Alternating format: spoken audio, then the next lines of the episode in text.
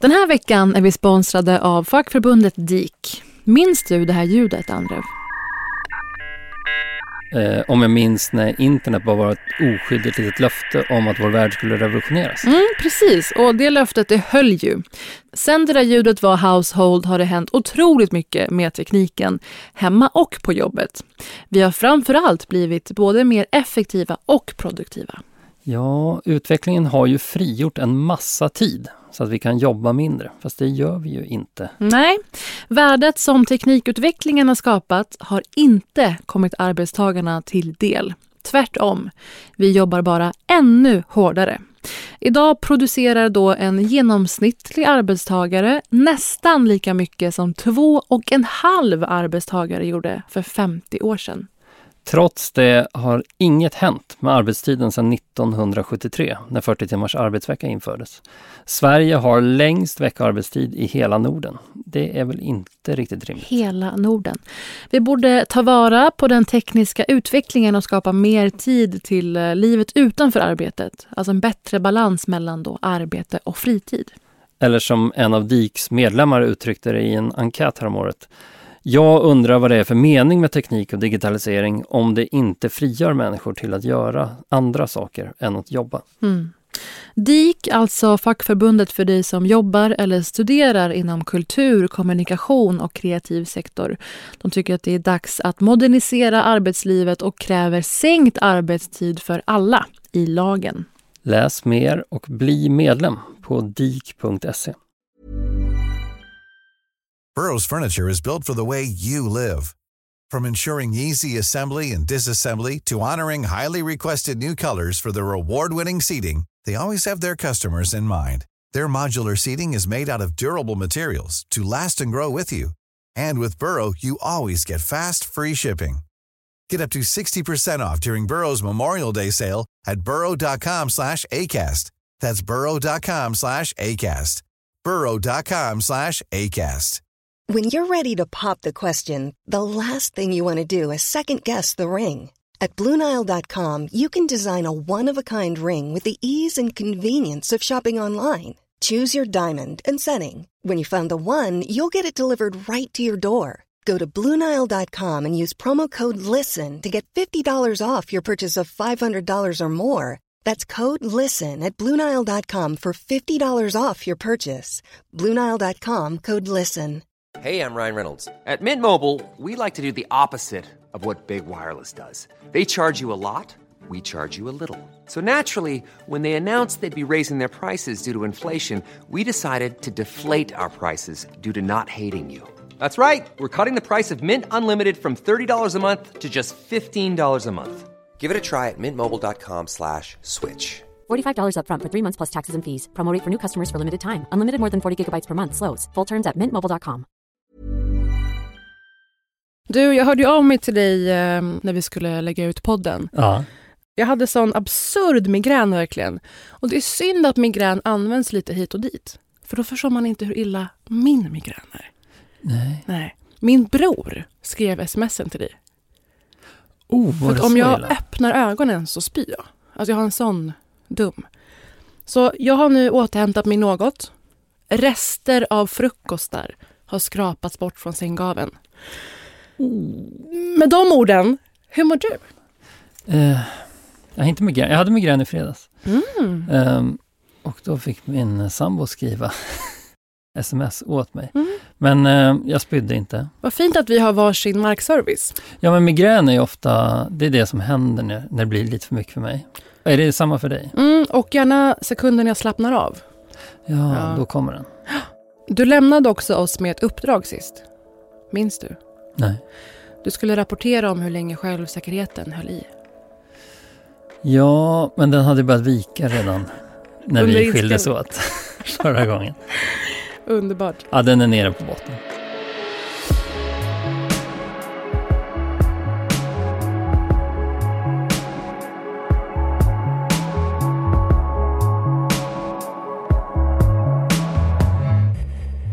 Den här veckan så har jag, jag vet inte om det är veckans felsatsningar eller veckans försvar, men det kanske är veckans felsatsningar eller försvar. Funkar det? Ja.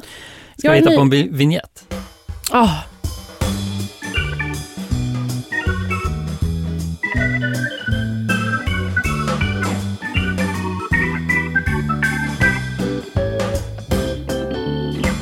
Jag undrar vad som händer på Spotify.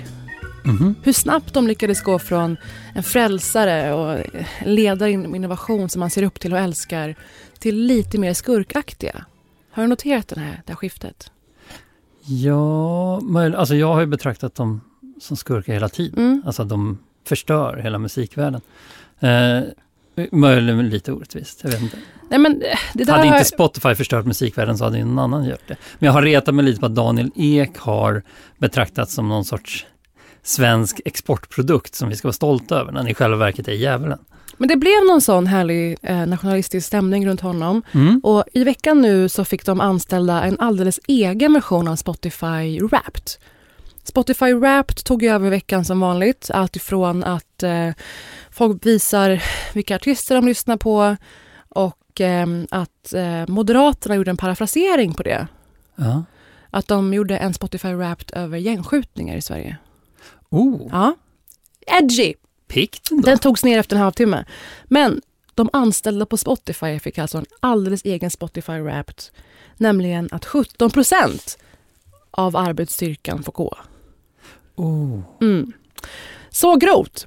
Eh, och bara att det inte blev en säsong tre av min diktatorer faktapodd. Bara det tycker jag är beklämmande i sig. Och nu med det här så känner jag globala konsekvenser för Spotify. Och jag tycker så här, shout out till dem som blev uppsagda innan jul. De kan åtminstone lyssna på Joe Rogan på Spotify. Just det. För han tros ju vara skurken i dramat. Att han kostar så mycket att allt annat måste läggas ner. 200 miljoner dollar. Det är jättemycket pengar. De har inte fått tillbaka den investeringen. Så där tror jag att det får vara fel satsning. Mer än att jag går i försvar.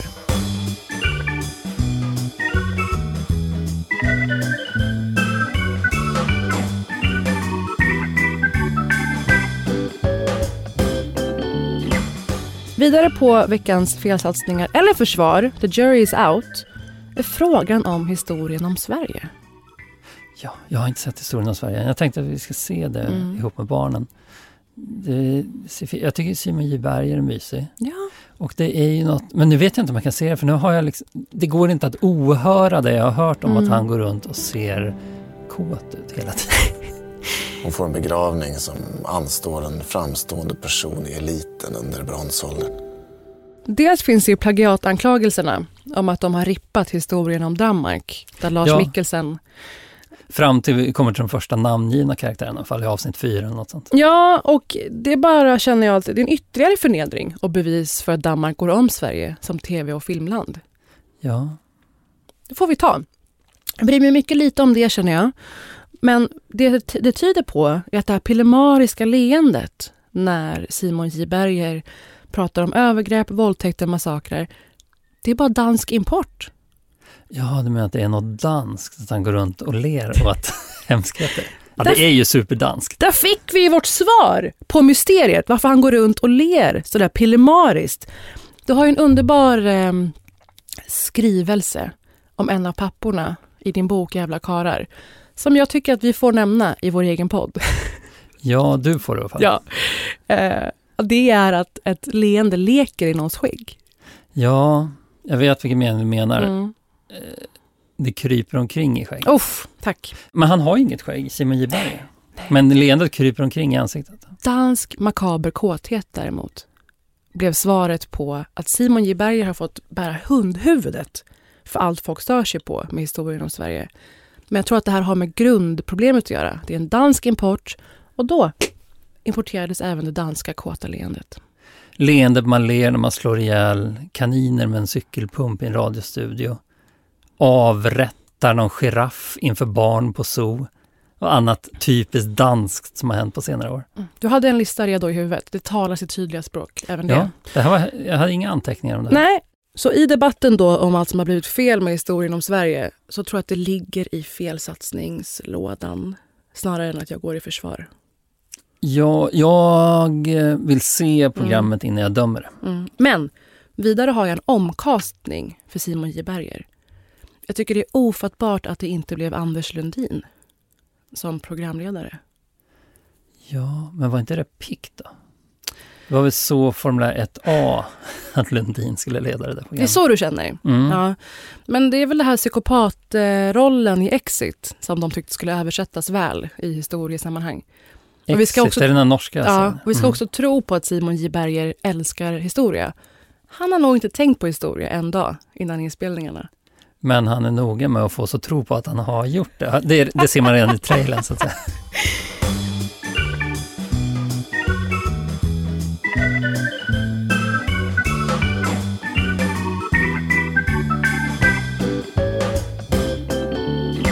här som händer runt Greta Thunberg är jag nyfiken på.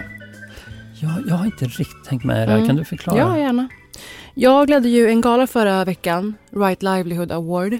Det är det alternativa fredspriset i Nobel kan man säga. Så förra året var det tre av deras vinnare, var även där. Bla bla bla. Och även Greta Thunberg. Jaha. Och jag trodde att hon skulle dyka upp förra veckan för det har varit så fruktansvärt mycket skriverier om att hon skulle vara antisemitisk. Just det. Mm, det har du kanske sett om? Ja, jag har sett att hon har höjt rösten om eh, den här eh, slakten i Gaza.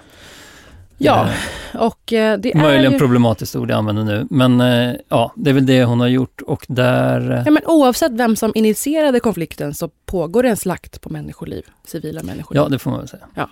Och Greta då använde sin plattform som klimataktivist att påtala detta. Och jag har inte hängt med på exakt alla svängningar runt Greta i den här frågan.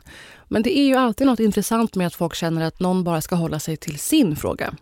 Jo, men det är också lite speciellt för att hon var ju klimatets ansikte utåt. Mm. Att vara för klimatet, det är ju lite som att vara för att man inte ska klubba sälar, eller ja, det tillhör väl klimatet på sätt. Men det är eh, som att vara emot pedofili, så att säga. Alla kan stå bakom det. Mm. Ja, men drottning Silvia kan vara emot pedofili utan att det uppfattas som att hon tar ställning i en fråga. Så att säga. Och så är det ju lite med klimatet också. Och det tyckte alla var så bekvämt med Greta Thunberg. Och nu, nu sätter hon för, plötsligt ner foten i en fråga där det råder någon sorts splittring och då inte mellan normala människor och galningar utan en, en spricka som löper lite mer mitt igenom det politiska landskapet. Och då händer det ju spännande saker antar jag. Men jag tror att mycket av det du säger nu är det som jag far efter. Att Greta framförallt har gjort det svårt för sina anhängare. Ja, Mm. Att krisen som kanske har uppstått efter då Greta inte bara är riktad mot henne och kring henne utan att det har, som du är inne på nu, skapat en svår position för dem som kände att så här, hon är en ren figur för att vilja att mänskliga, men, mänskligheten kan få fortleva på jorden. För den järva åsikten att vi borde rädda planeten. Mm. Mm. Men hon eh, skrev en debattartikel i The Guardian i veckan där hon eh, redogjorde för, följde upp några av sina kommentarer. We won't stop speaking out about Gaza suffering. No climate justice without human rights. Att de är tätt förenade. För klimatfrågan handlar ju mycket också om att det kommer bli en sån stor andel klimatflyktingar. Ja, Det är ju där de gifter sig, menar hon. De frågorna. Ja, men om man, ja, om man betänker hur oroligt Europa blev av flyktingvågen från Syrien, som var ett par miljoner flyktingar. Va? Eh, och då i skuggan av det jag tänker på när en halv miljard människor sätts i rörelse av klimatförändringarna i mitten av det här århundradet. Då förstår man att, att det finns skäl att agera. Men det här påminner mig om ett antal saker. Att folk inte kan lämna sin fåra och prata om fler eller andra saker. Eh, jag tänker på Zlatan som eh, kritiserade damlandslaget i fotboll. Att de skulle sluta vara så politiska i samband med diamantfotbollen. Och också, jag älskar ju basket. LeBron James fick höra när han gav sig in i Black Lives Matter. Shut up and dribble. Och det är det folk säger till Greta Thunberg. Shut up and dribble. Så the jury is still out på den. Eh, jag är intresserad av vad det här säger om de som har kunnat applicera sin klimatångest på Greta, framför allt. Politikbyrån hade ett nytt avsnitt i veckan som hette Greta kris. Jag tycker mycket om Greta Gris. Ja. Jag tycker det är så fånigt när småbarnsföräldrar ska ondgöra sig över att det är jobbigt att sitta med sitt barn och se Greta Gris Ja, okej. och höra Greta Gris. Då, ha, säger man så, då har man inte tittat på Greta Gris. Nej. För Greta Gris är ett av de absolut bästa barnprogrammen. Mm. Det är ett barnprogram med en själ. Till skillnad från många andra barnprogram. Alltså Rory det, och Pyjamashjältarna, det är fruktansvärt att titta på. Men eh, Greta Gris, hon har ju någonting. Hon har ju en ton. Jag älskar att det här slutade med att eh, en sak tog vi i försvaret den här veckan och det var Greta Gris.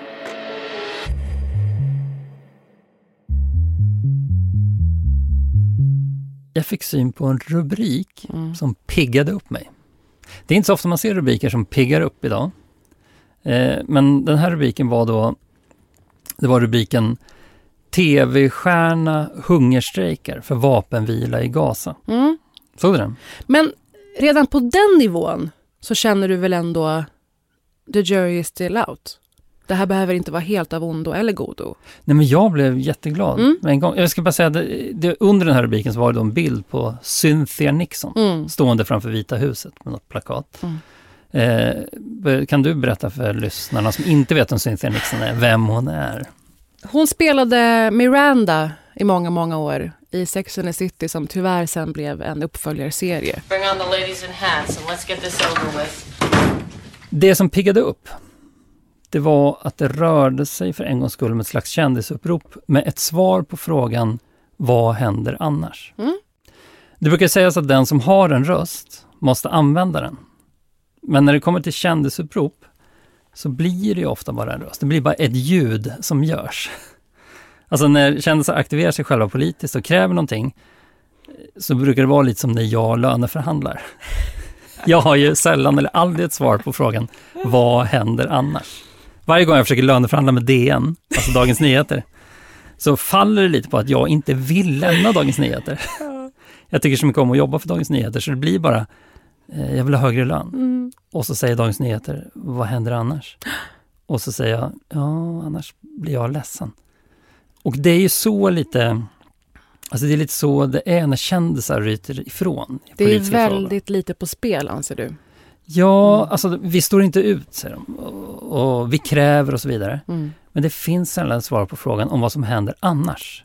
Och finns det inget svar på den frågan så kommer man ingenstans. Då blir det bara ett ljud. Eh, alltså kändisarna hotar egentligen bara med att bli ledsna om det inte blir förändring. Eh, och det var det som piggade upp när jag såg den här rubriken.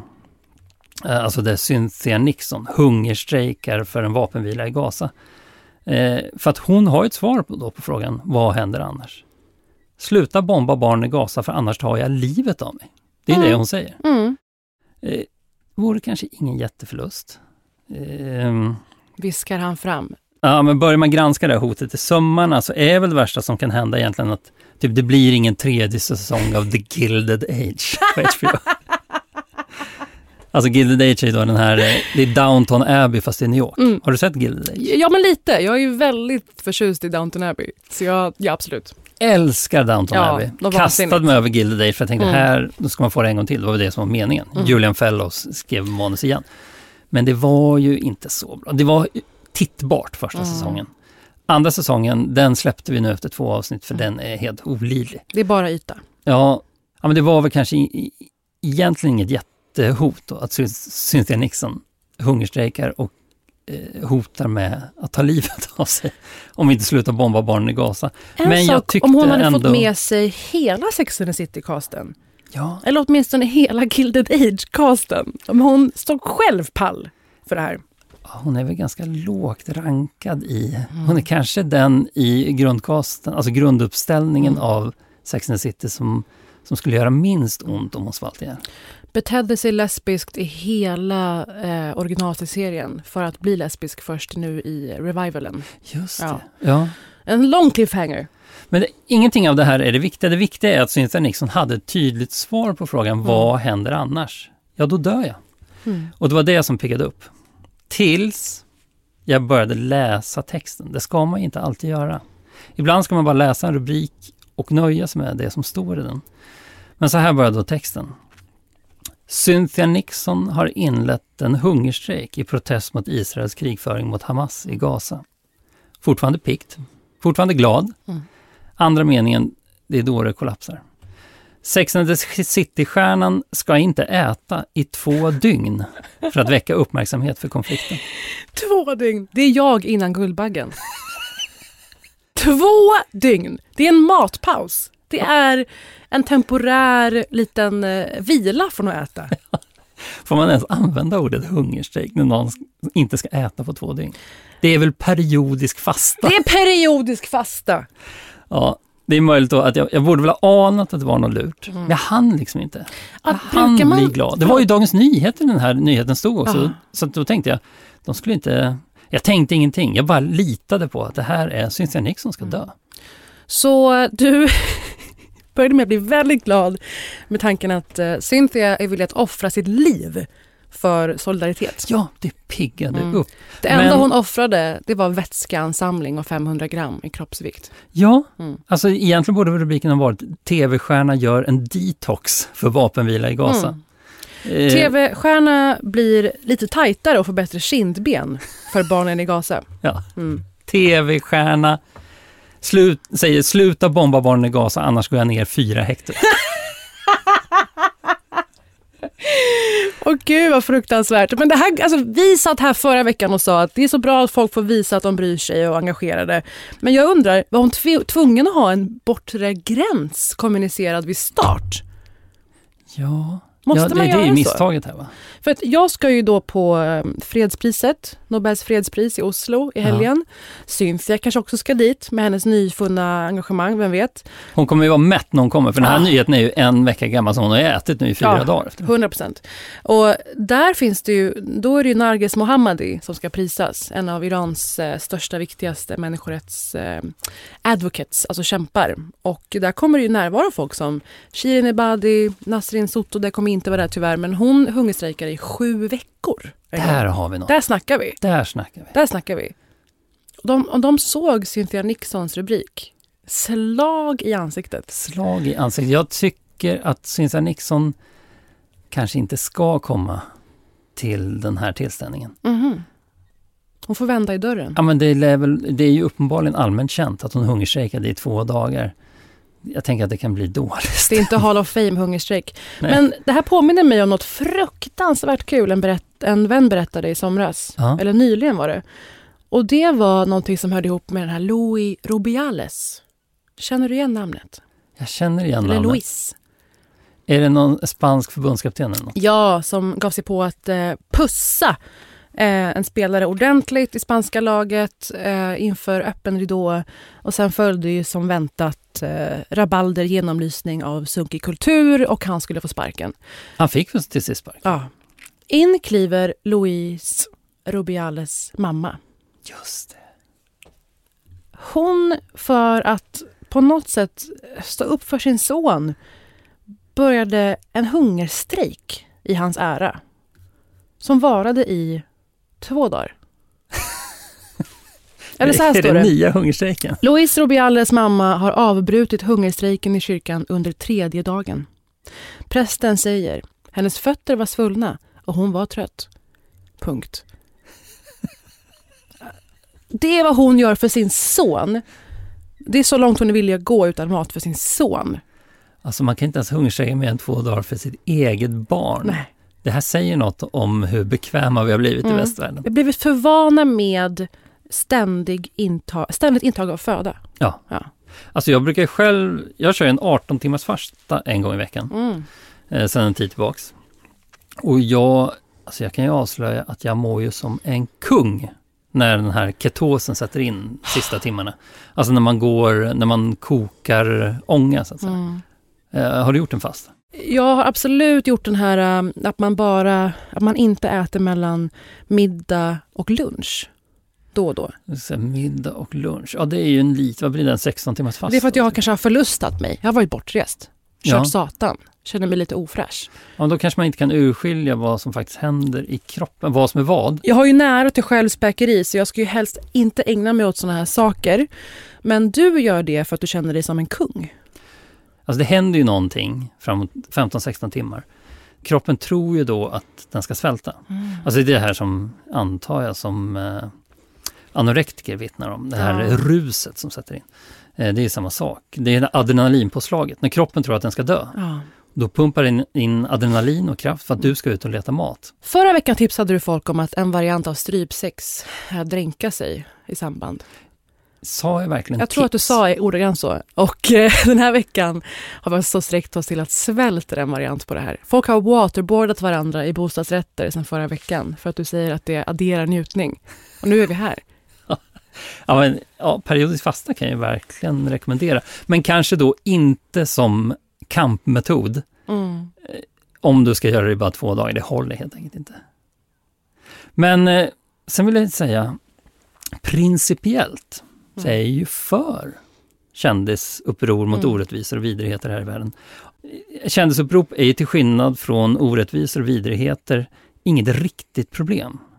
Alltså det är inte ett riktigt problem att en kändis är lite cringe, så att säga. Mm. Utan eh, det blir inte värre än så.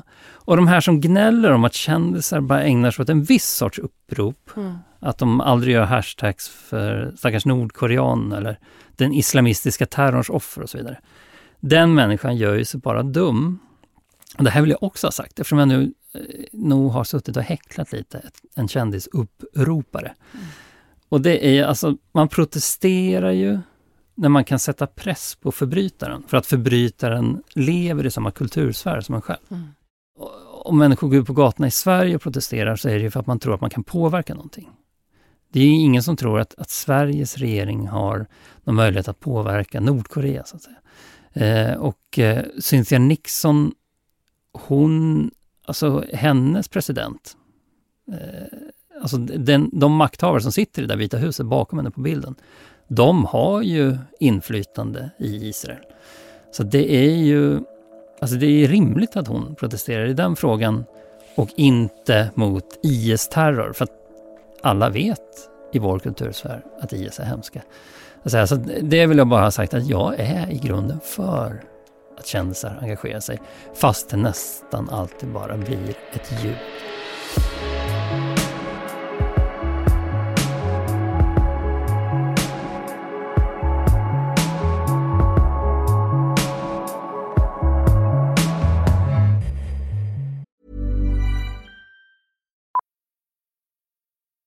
Millions of people have lost weight with personalized plans from Noom, like Evan, who can't stand salads and still lost 50 pounds. Salads, generally, for most people, are the easy button, right? For me, that wasn't an option. I never really was a salad guy. That's just not who I am. But Noom worked for me. Get your personalized plan today at Noom.com. Real Noom user compensated to provide their story. In four weeks, the typical Noom user can expect to lose one to two pounds per week. Individual results may vary. Hey there, it's Michelle Norris. I'm host of a podcast called Your Mama's Kitchen. When I travel, I'm usually looking for a way to find a taste of home when I'm not at home. And one of the things I love to do when I am at home is entertain. And Airbnb allows me to do that. When I was in California recently, I rented a house that had a great kitchen. And when we were sitting around the table, we we're all thinking, we're in someone else's house. Someone could be in all of our homes as well. If you have a home, but you're not always at home, you have an Airbnb. Your home might be worth more than you think. Find out how much at airbnb.com/slash host. Hey, it's Ryan Reynolds, and I'm here with Keith, co star of my upcoming film, If, only in theaters, May 17th. Do you want to tell people the big news? All right, I'll do it. Sign up now and you'll get unlimited for $15 a month in six months of Paramount Plus Essential Plan on us. Mintmobile.com slash switch. Upfront payment of $45 equivalent to $15 per month. Unlimited over 40 gigabytes per month. Face lower speeds. Videos at 480p. Active Mint customers by 531.24 get six months of Paramount Plus Essential Plan. Auto renews after six months. Offer ends May 31st, 2024. Separate Paramount Plus registration required. Terms and conditions apply if rated PG. Du l- nämnde det kanske sist att vi kommer under sett något prata om saker vi har sett. Mm.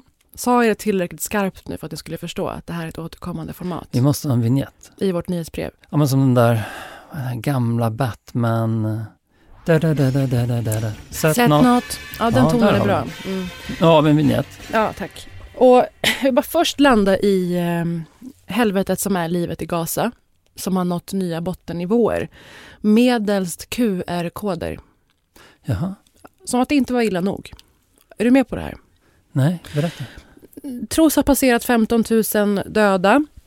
Och eh, Cecilia Udén rapporterade om eh, ett nytt grepp från IDF, vilket är Israels militära gren. Och eh, då framgick det att de menar att de faktiskt upplyser civila palestinier om hur de kan fly bombanfall medelst QR-koder.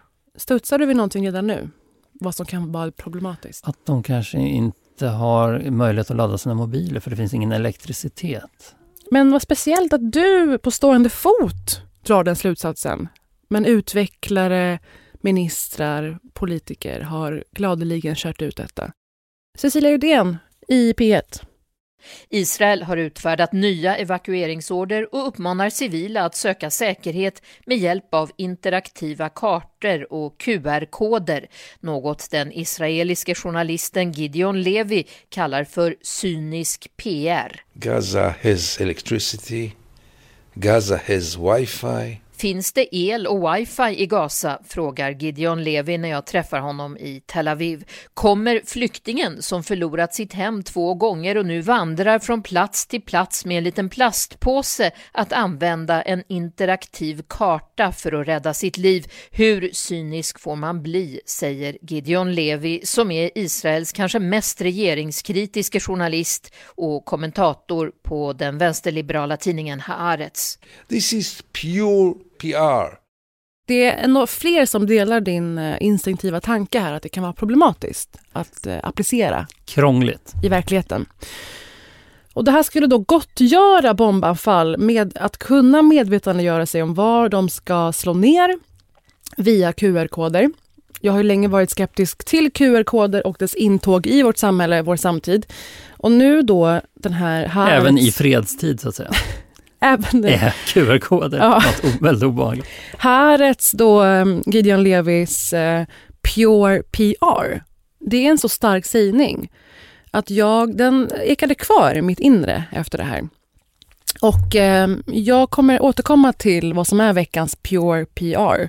Jaha, det blir en vignett. Mm, så under Set Not kommer alltså veckans Pure PR. För apropå Pure PR var jag och såg eh, Beyoncés variant av det vi kommer få vänja oss vid, konsertfilm. Oj. Är det något för dig? Nej, verkligen inte. Alltså jag...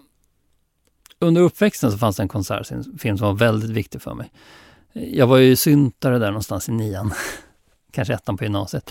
Och då jag och min kompis Martin Söderström, vi satt ju en gång i veckan och tittade på Depeche Mods eh, konsert, den här turnéfilmen, jag kommer inte ihåg vad den hette, men det var över en timme lång. Och det var då med finalen på Pasadena Rose Bowl, när de kör Never Let Me Down Again. Den var ju väldigt viktig för mig, men det är nästan sista gången. Jag tyckte inte ens om den där Wilco-dokumentären som, som alla febrar om som tidernas bästa musikdokumentär. Eh, men den var nej, viktig jag, för dig för att du fick tillgång till ett rum du inte hade kunnat själv vara med i? I och för sig, jag lockas av tanken att kunna gå på konsert utan att behöva vara där. Exakt! För jag tror verkligen att eh, det är både Beyoncés Renaissance och Taylor Swifts eh, motsvarighet som jag har obefintlig förståelse för, som alltså har gjorts i väldigt stora eh, eftertraktade konsertfilmer. Och det är ändå världsturnéer som folk har kunnat gå på fysiskt. Eh, jag var ju på Beyoncés Renaissance allra längst fram förstås och är ruinerad sedan dess. Och det är oerhört kravfyllt att gå på konsert. Speciellt idag när det är arenorna som krävs för att härbärgera då de här massorna som numera söker sig till varje stor artist. Och något måste ju ske i salongerna som ekar tomma. Jaha, så då mm. flyttar man konserterna dit? För nu går vi dels på konserten för att kunna sen se på konsertfilmen och känna att jag var också där, men jag var kanske 800 meter ifrån. Och nu Eh, med klipp, klippningen i Beyoncé-filmen ska ha faktiskt eh, den största av eloger. För att det hade nog inte varit en mer interaktiv upplevelse eller en mer nära upplevelse om jag så hade stått på scen med Beyoncé. Filmiskt är den fantastiskt välgjord vad gäller musiksekvenserna, konsertsekvenserna. Eh, det är omöjligt att förneka. Och som uppstod också på Beyoncé-konsertfilmen att alla stod upp och dansade då och då. Det uppstod konsert och dans. I, I biografen? Ja. Jaha. Det låter fruktansvärt. Ja, jag undrade. Jag satt där, undrade vad Walden hade gjort i det här rummet. Du hade inte sprungit Flytt fram. i panik. Ja, underbar är du. Men så skulle hon ge sig på eh, dokumentära inslag. Aj, aj, aj. Som hon själv då bestämmer över fullständigt. Och då har vi att göra med Pure PR. PR! Aha. Ja. Och hon djupdyker där i de här dokumentära inslagen i vettiga teman tillhörande vad man behöver ha för att göra så stora turneringar, voging-temat, att det blir ett safe room för hbtq-grupper, drag och så vidare. Men så är det det här med hennes dotter. Känner du alls till vilken roll hennes dotter hade i turnén? Jag visste inte ens att hon hade en dotter. Tre barn har hon, Mhm. Varav en 11-årig dotter som slängs upp på scen och dansar med henne Oh, inför alltså, 50 till 70 000 personer. Lex Madonna. Madonna gjorde det efter Beyoncé ska vi säga. Jaha. Och vad låter det som? Pure PR. Hade du dragit upp din 11-åring att bedömas på det sättet på scen? Eh, nej, alltså jag lägger inte ens ut bilder på Instagram på mina... Med dina Barn. 15 000 följare? Nej, precis. Hon har lite fler. Något. Så redan där i somras så hajade jag till. Vad, vad är detta? Varför gör man så? Och det blir alldeles, alldeles uppenbart i den här filmen. Hon har slängt sin dotter och trollen. Oj. Hon har skapat vad som är känt som hatebait. Har du hört om hatebait? Är det detsamma som ragebait? Någorlunda. Mhm. Det som hände var att då hennes 11-åriga dotter, prepubertal, kliver upp på scen bredvid världens kändaste sångerska slash dansare är hon ju också, och dansar på en låt, så blir ju hon då väldigt hårt bedömd och eh, sågad på nätet, 11-åringen. Ja. Som väntat. Men vad är, var det poängen då? Om om det är Jag- bait så vill man ju att det ska hända. Jag anser att detta är hatebait. Jag tror att Beyoncé har skapat det här narrativet för att eh, Trollfällan skapar ju ett starkt narrativ om att slå tillbaka mot hatarna. Ja, man behöver fiender. Ja. Känner du till fiender? Jag känner till Du fiender. har fiender sedan en vecka tillbaka. Eh, ja, det är vi första kan- gången i livet. Jag har aldrig haft fiender Vi kanske går in på det. Vi kanske går in på det i slutet av avsnittet. Jo, men jag bara reagerade väldigt, väldigt starkt på att det blir uppenbart i Beyoncés renässansfilm att hon har försatt sin dotter i trollfällan.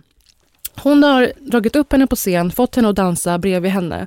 Och det är inte som att Beyoncé liksom står stilla. Hon dansar sitt allra bästa bredvid sin 11-åriga, taniga, lilla prepubertala dotter. Då ser ju hennes insats ännu mer usel Alltså hon ut. utklassar sin egen dotter inför Nå- publiken. Något fruktansvärt. Och det här då i filmen ska vi tro skulle ha varit en engångsföreteelse. Men då får hennes dotter Blue Ivy höra om kommentarerna på nätet. Och Beyoncé hade såklart ingenting med det här att göra, påstår hon. Det var mot hennes vilja. Men hon får höra att det har varit väldigt hårda ordalag om hennes insats på nätet. Är det det här som händer i de dokumentära delarna Mm, av, mm, av den här konsertfilmen? Och då, väcks, då skapas narrativet att överkomma hatarna. Vi ska tro att Blue Ivy blir dedikerad att arbeta ännu hårdare och på eget bevåg vill vara med sen på alla spelningar resten av sommaren. Vet du, jag tror du har rätt. Jag tror att du har rätt när Jag du säger att har det här är ett skapat narrativ. Gåshud. Alltså Scoop, Beyoncé utsatte sin dotter för hatebait. Så vi ska tro att det är en slump att Blue Ivy hade 30 outfits matchande mammans scenoutfits som hade bara legat och skräpat annars. Om så att hon inte... spontant kunde hoppa upp på scen. Exakt. Och ska vi höra hur det här framställs i dokumentären? Att Blue Ivy kommer själv till slutsatsen att nej men jag ska visa dem. more that I do it, the better I become. That's when Blue Ivy went and started practicing and practicing and basically saying, I'll show you. Motsvarande är att din mamma hade dragit in sju pappor i ditt liv under sju år. Fullt medveten om att det här kan andra skriva en bok sen om. Ja, men det Och- kunde jag ju. Och kunde du. Och överkomma hatarna. Allt detta går under beteckningen Pure PR. Tack. Det var veckans Sett något i kombination med veckans Pure PR. Så vi hade alltså en jingel Mm. som var Sett något. Mm. Och sen direkt efter så tog du ner oss en nivå till Mm. med en ny jingel som var eh, Pure PR. Så det var alltså en jingel in med jing, Mm. jingel inception. Varsågoda. Pure PR. Har du märkt att, att man blir sämre och sämre på sms? Det är konstigt. Alltså att det uppstår... Det känns som att jag får korvfingrar med åren. Men de blir ju inte tjockare. Det är bara jag blir sämre och sämre på sms. Det här är något fenomen. Vi kan återkomma till det. Men du, du skickade något sms om en bok du hade läst. Kolla dina sms. Berätta vad du ser. Det är en skärmdump som du har skickat. Eh, Det är en krönika av Gunnar Wetterberg. Min kära På spåret medkombatant och vän. Gullig är han. Underbar. Mm. Och han, här har du då markerat en mening som är Jag är med i världens minsta bokcirkel. Min På spåret-partner Parisa Amiri tvingar mig att läsa viktiga böcker innan jag får luncha med henne. Vad är det? Så är det. Jag är frilansare. Jag kan inte bara socialt umgås med folk utan att det finns någonting som kan bli content. Jaha, Mm. Det är som med dig och mig. lite mörkt. Ja. Utbrändhe- utbrändhetstecken finns. Nej, men det är framförallt för att jag älskar att få dividera med eh, Gunnar Wetterberg om allt som eh, har med allt att göra, men framförallt politik. Det förstår jag. Eh, när han då outade vår bokcirkel så gjorde han det i samband med boken De gränslösa. Det här är ju då en bok som handlar om eh, de som driver och tjänar på friskolereformen i Sverige. Marknadsskolan. Marknadsskolan, aktiebolagsskolan, Den där reformen vi är ensamma om i världen. Ingen annan har tagit efter oss. Så jag är väldigt passionerat intresserad av den här frågan. Allt som eh, rör livsvillkor, ekonomi och makt är ju några av mina, det är mina typ centrala intressen. Mm. Och eh, jag tror att du också känner lika starkt som jag i den här frågan, om jag har förstått dig rätt. Ja, det är väl ingen hemlighet att jag är lite kritisk till marknadsskolan. Att jag tycker att det är... eh, ja, men det, är det, det är helt obegripligt för mig att det bara får por- fortgå. Mm. Eh, alltså att det, det är ju en, det är en liten katastrof. Det är lite katastrof och som du var inne på, som alla kanske inte vet. Eh, Jesper Rönndahl nämnde ju det i hans eh, dokumentärserie som jag tycker var väldigt rolig och hade otrolig sprängkraft. Dokumentärserie om den svenska skolan. Vem mördade skolan? Just det. Väldigt stark och rolig. Kanske finns kvar på SVT Play. Och där kommer man in på att det enda andra land som någonsin testat vårt system var Chile under Pinochet. Just det. De är liksom högerliberala på det liksom extrema hållet. Till och med de har avskaffat systemet. Ja, är vi vi. är ensamma i världen om det här. Vi är minst nu- sagt extrema systemet. totalt ensamma i världen. Det här kom i veckan, i helgen tror jag, den här krönikan. Och klipp till då den eh, inte helt oväntade nyheten om att eh, skolresultaten eh, kollapsat. Just Johan. Persson flåsade fram. Får man säga så? Men det, han gör ju det. Ha, ja, han gör väl en grej av att han flåsar. Han det är ju den här överdriver. korvätar-auran. Du tror att han överdriver sitt flås? Ja, alltså han, det ingår ju i hans personliga varumärke att han ska vara lite flåsig. Ja. Eh, han flåsar fram att det har skett en kunskapskollaps utan vidare kontext.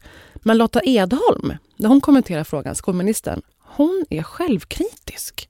Framför allt så skulle jag säga att, att eh, vår, vår politik har präglats av en naiv- naivitet när det gäller friskolornas eh, utveckling. Du minns ju rabaldret när hon tillträdde. Ja, hon eh, hade lite, man kan väl säga att hon hade lite fingrar i syltburken. Eh, Det är ju många politiska, politiker som har det. Kanske framförallt då i Liberalerna och Centerpartiet när det gäller marknadsskolan. Men jag är lite positivt överraskad av Lotta Edholm. Ja, men hon säger ändå högt att marknadsskolan är ett problem och det är, det är kanske inte helt väntat. Jag är lite uppspelt av det. För att jag vet ju, det är ju så i Sverige att vill du få någonting gjort så måste du ju övertala högern. Vänstern pratar och högern gör, så är det ju. Vänstern pratar om att vi behöver, eh, vi behöver jämna ut eh, skillnaden och så vidare. Men det, gör, det är ingen som vågar höja några skatter i Sverige. Ska du höja skatten och göra något åt problem, då måste du övertala högern att göra det. Så att säga. Ska det göras något åt de oreglerade vinsterna i marknadsskolan och så vidare, då måste du övertala högern att göra något åt det. Jag eh, vill bara poängtera att det som framgår i Jesper Rönndahls serie är att Göran Persson, Ylva Johansson, flera socialdemokrater har varit med och klubbat igenom väldigt drastiska eh, reformer inom skolan. Till exempel höjd skolpeng. Så där fick jag det public service-iga sagt. Men det finns ju en annan viktig aspekt som har med skolan att göra och som våra styrande politiker säger sig bry sig väldigt mycket om. För skolan var ju på väg att bli den stora, stora, stora valfrågan. Mm. Sen kom en annan fråga och bara dämpade allt annat. Tänker du på eh, gängkriminaliteten? Jag tänker på gängen. Vet Just du vem mer som tänker på gängen och pratar, pratar mycket om hur mycket han tänker på gängen? Eh, statsministern. Och här kommer då ett till format i ett format. I formatet Läst något så kommer nu formatet En fråga till Ulf. Okay. Mm. Han påstår att han är villig att göra allt för att krossa gängen. Men jag frågar till Ulf. Är Ulf också villig att stoppa vinstflödet av skattepengar till kompisarna? Skattepengarna ämnade för barn och barns utbildning. Låter lite som en ledande fråga. Nej, men jag vill fråga Ulf. Jag hör nästan svaret mellan raderna. Är du villig att göra det, Ulf? För det som den här boken utmärker sig för, De gränslösa, kanske du också har nåtts av? Och hur det kan relatera till den här frågan? Eh, alltså Parisa håller nu upp boken för mig.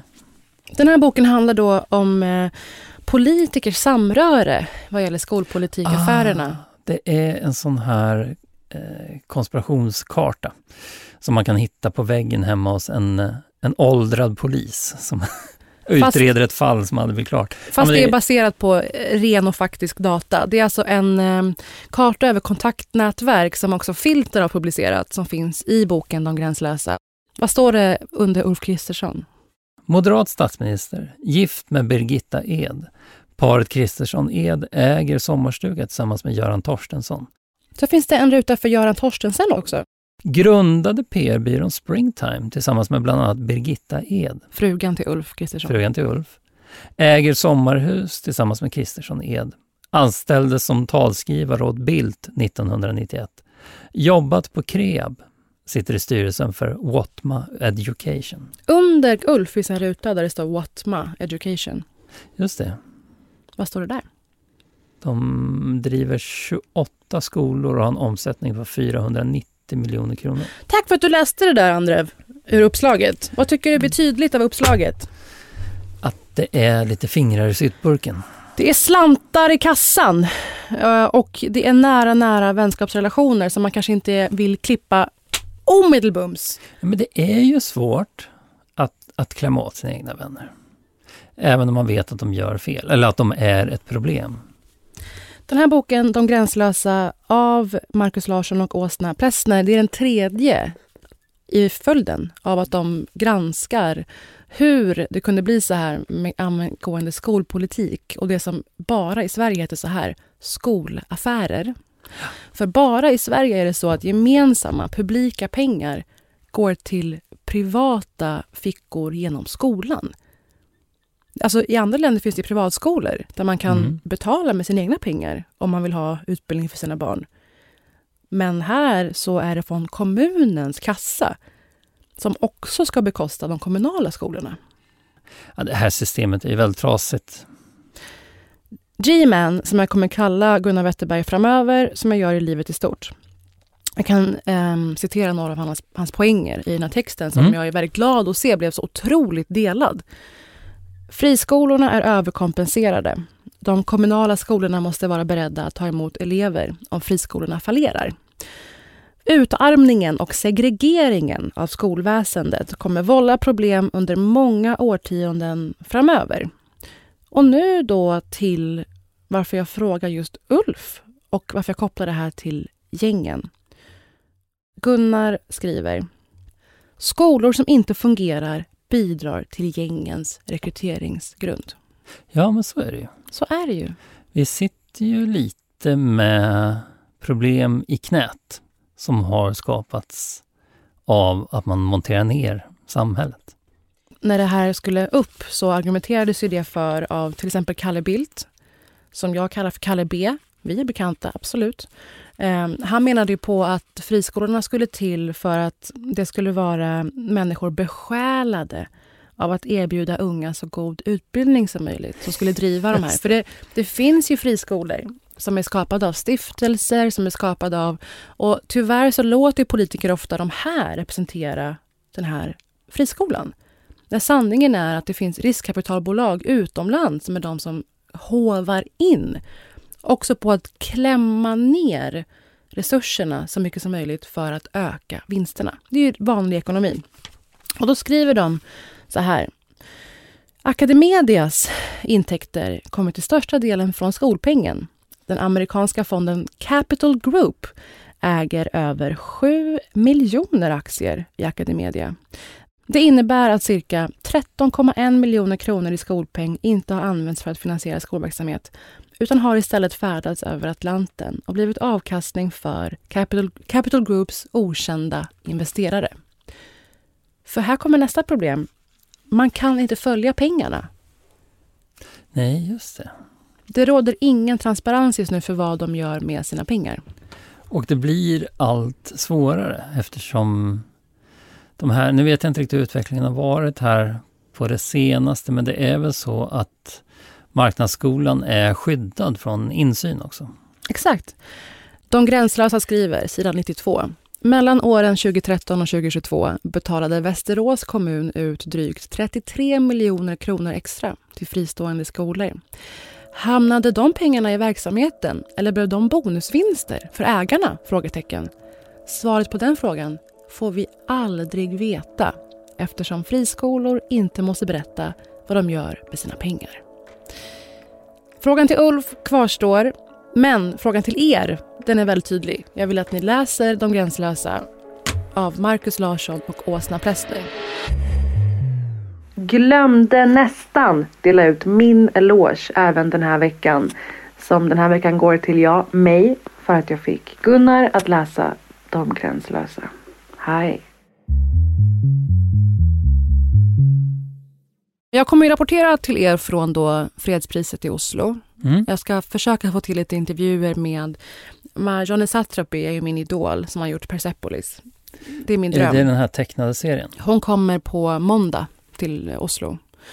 Eh, så vi får se hur det blir med det. Men jag är också där för att se The Crowns finalvisning som sammanfaller med helgen. Och då har du redan börjat titta på nya säsongen? Ja, absolut. De ska vi sparar ju den till jul, som mm. man ska.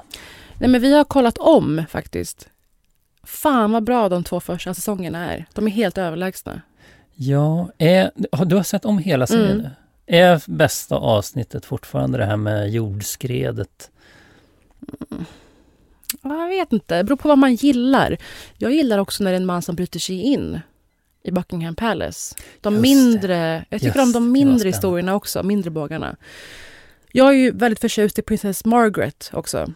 Som spelas av Vanessa Kirby som var med i Napoleon-filmen nu. Är det hon som är lite grogghaggig? Jo tack. På tal om vem då menar du? Pekar du på mig? Nej, för guds skull. Jag ser att du pekar på mig.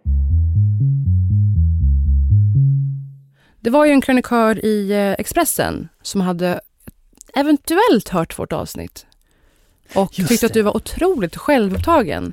Det var kanske inte årets piggaste spaning Nej. att Ander Walden är självupptagen. När det, det också var temat för pratan.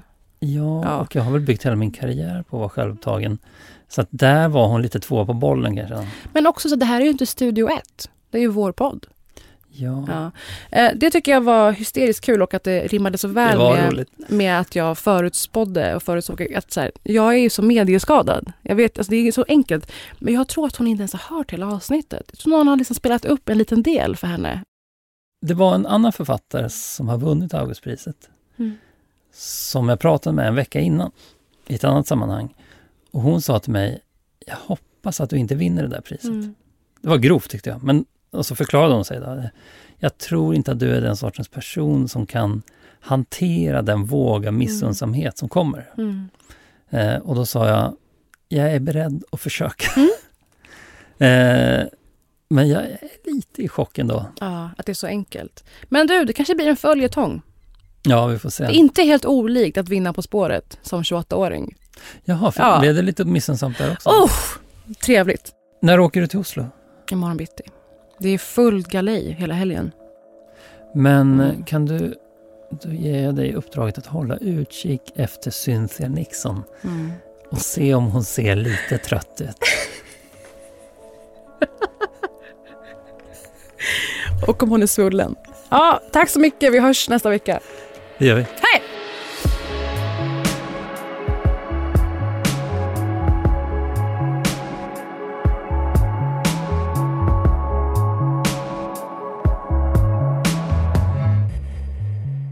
Helvetet med Walden och Parisa görs med Munk Studios.